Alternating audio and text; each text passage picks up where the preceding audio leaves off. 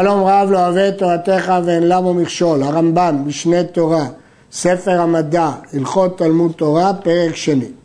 מושיבים מלמדי תינוקות בכל מדינה ומדינה ובכל פלך ופלך. בכל עיר שאין בה תינוקות של בית רבן מחרימין את אנשי העיר עד שמושיבים מלמד תינוקות. ואם לא הושיבו, מחריבין את העיר, שאין העולם מתקיים אלא בהבל פיהם של תינוקות של בית רבן. הגמרא במסכת בבא בתרא אמר רב יהודה אמר רב רב זכור אותו האיש לטוב ויהושע בן גמלה שמו שאלמלא הוא נשתכחה תורה מישראל שבהתחלה מי שיש לו אב מלמדו תורה מי שאין לו אב לא היה לומד תורה אחר כך יהושע בן גמלה התקין שיהיו מושיבים מלמדי תינוקות בירושלים, אחר כך התקינו שיהיו מושיבים בכל פלך ופלך, כי יש כאלה שלא היו מעלים את בנם לירושלים. הרמב"ם כותב שקודם מחרימים אותה ואחר כך מחריבים אותה. המקור שזה גמרא במסכת שבת, אמר יש לקיש משום רבי יהודה הנשיאה, אין העולם מתקיים בשבול הבל תינוקות של בית רבן. ואמר יש לקיש לרבי יהודה הנשיאה, כך מקובלני מאבותיי ואמרי להם מאבותיך, כל עיר שאין בה תינוקות של בית רבן מחריבין אותה. רבינה אמר מחרימין אותה. הרמב"ם כביכול עושה פשרה בין שתי הדעות, הוא אומר קודם מחרימין ואחר כך מחריבים. יש כאלה שסוברים שהרמב"ם הייתה לו גרסה אחרת בגמרא, ויש שסוברים שהרמב"ם כך הבין את הרמב"ם שהוא קיים את שתי הלשונות, בהתחלה מחרימין ובסוף מחריבים, כך כותב אה, הכסף משנה. אנחנו רואים פה לשון מאוד מאוד חמורה שמחריבים את העיר, עד כדי כך החשיבות של תלמוד תורה. מכניסים את התינוקות להתלמד כבן שש כבן שבע, לפי כוח הבן ובניין גופו. ופחות מבן שש, אין מכניסים אותו. כלומר, הגיל לא פחות מבן שש, למדנו כבר שבגמרא מוזכר שש שבע, והרמב"ם מסביר ששש שבע זה תלוי בבריאות, וכן פירשו גם התוספות. הוא מכה אותם המלמד להטיל עליהם אימה, ואינו מכה אותם מכת אויב, מוסר אכזרי, לפיכך לא יכה אותם בשוטים ולא במקלות, אלא ברצועה קטנה. כלומר, לייסר את הבן כדי ללמוד תורה זה מותר. בגמרא אמר לרב לרב שמואל בר שלט כי מחריט לתינוקה לא תמחה אלא בעקרתא דמסנא אם אתה מכה ילד שלא לומד אז מכה קלה ברצועה לא מכה קשה כדי שהוא ינזק ויושב ומלמדם כל היום כולו ומקצת מן הלילה. תלמוד תורה לילדים זה כל היום וגם מקצת מן הלילה. כדי לחנכן ללמוד ביום ובלילה, כי הרי מצוות תלמוד תורה היא גם ביום וגם בלילה, אז כדי לחנך אותם. לכן התקינו שיהיו גם ביום וגם בלילה. ולא ייבטלו התינוקות כלל, לא מבטלים תינוקות מתלמוד תורה בשום מקרה. חוץ מערבי שבתות וערבי ימים טובים בסוף היום ובימים טובים. ביום טוב, בשבתות, בערבי ימים טובים. הדבר הזה ברייתא מסכת סוכה, רבן יוחנן בן זכאי לא אמר, הגיע העת לעמוד בית המדרש חוץ מערבי פסחים, שבתות וימים טובים. אבל בשבת אין קוראים לכתחילה, אבל שונים לראשון, לא לומדים חומר חדש, אבל חוזרים על הדברים שלמדו אותם כבר. ואין מבטלים התינוקות ואפילו לבניין בית המקדש. הגמרא במסכת שבת אמר יש לקיש משום רבי יהודה נשיאה אין מבטלים תינוקות של בית רבן אפילו לבניין בית המקדש. וגם בגמרא במגילה אמר רב וייתם הרב שמואל בר מרתא גדול תלמוד תורה יותר מבניין בית המקדש שכל זמן שברוך בן אריה קיים לא הניחו עזרה ועלה. מלמד תינוקות שהוא מניח את התינוקות ויוצא או שהוא עושה מלאכה אחרת עמהם, או שהוא מתרשל בתלמודם, הרי הוא בכלל ארור עושה מלאכת השם רמיה. לפיכך אין ראוי להושיב מלמד, אלא בעל יראה, מהיר לקרות ולדקדק.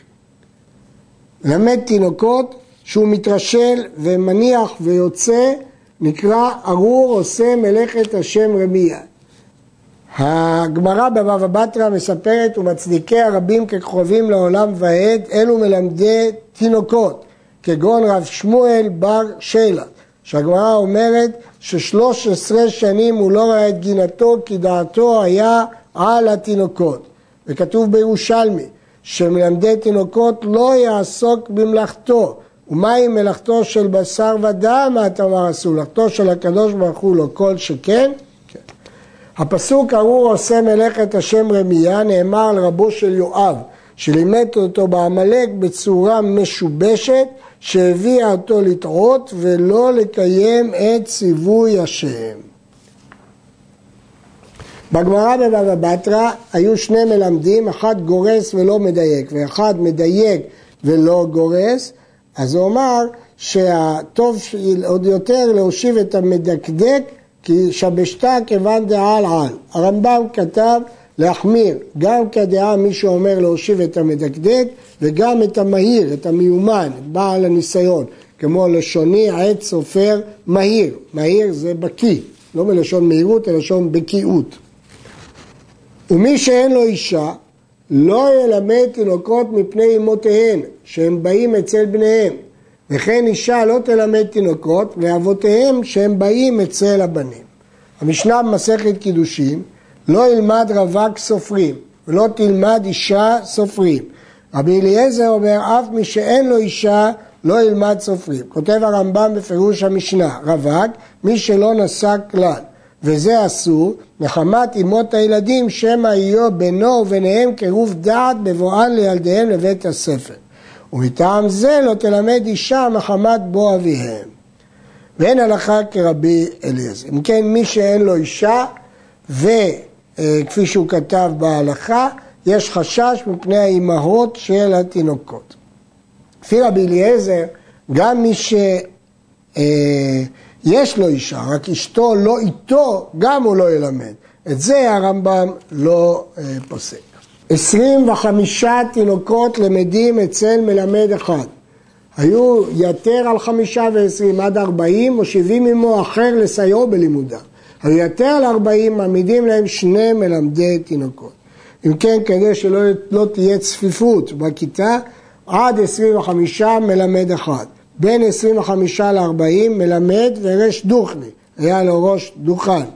ומעל ארבעים, שניים. הגרסה, יש גרסה חמישים, יש גרסה אחרת, אה, שיטת הרמב"ם כשיטת הנימוקי יוסף, שארבעים מוטבינן רש דוכתא, ויותר מזה צריך שניים. כלומר 25 תלמידים זה המספר המקסימלי למלמד אחד. מוליכים את הקטן ממלמד למלמד אחר שהוא מהיר ממנו. מעבירים אותו ממלמד למלמד. בין במקרא, בין בדקדוק. במה דברים אמורים? שהוא שניהם בעיר אחת. ולא היה נהר מפסיק ביניהם, אבל מעיר לעיר או מצד נהר לצידו, אפילו באותה עיר אין מוליכים את הקטן. אלא אם כן היה בניין בריא על גבי הנהר, בניין שאינו ראוי ליפול מרע. כלומר, לא מסכנים את הילדים בשביל להוליך אותם מעיר לעיר על גבי גשר, אה, אבל אם אין סיכון, אז מוליכים אותו ממלמד טוב למלמד יותר טוב. אחד מבני מבוי שביקש להיעשות מלמד, אפילו אחד מבני החצר, אין יכולים שכניו למחות בידו. למה? בגלל יגדיל תורה ויאדיר. וכן מלמד תינוקות שבא חברו ופתח בית ללמד תינוקות בצידו, כאילו מתחרה בו, כדי שיבואו תינוקות אחרים לו, או כדי שיבואו מתינוקות של זה אצל זה, ממש תחרות. אינו יכול למחות בידו, שנאמר, השם חפץ למען צדקו, יגדיל תורה ויאדיר. בגמרא מובא טעם אחר לדין השני, קנאת סופרים תרבה חוכמה. הרמב"ם הביא את הטעם של השם חפץ למען צדקו, יגדיל תורה ויאדיר.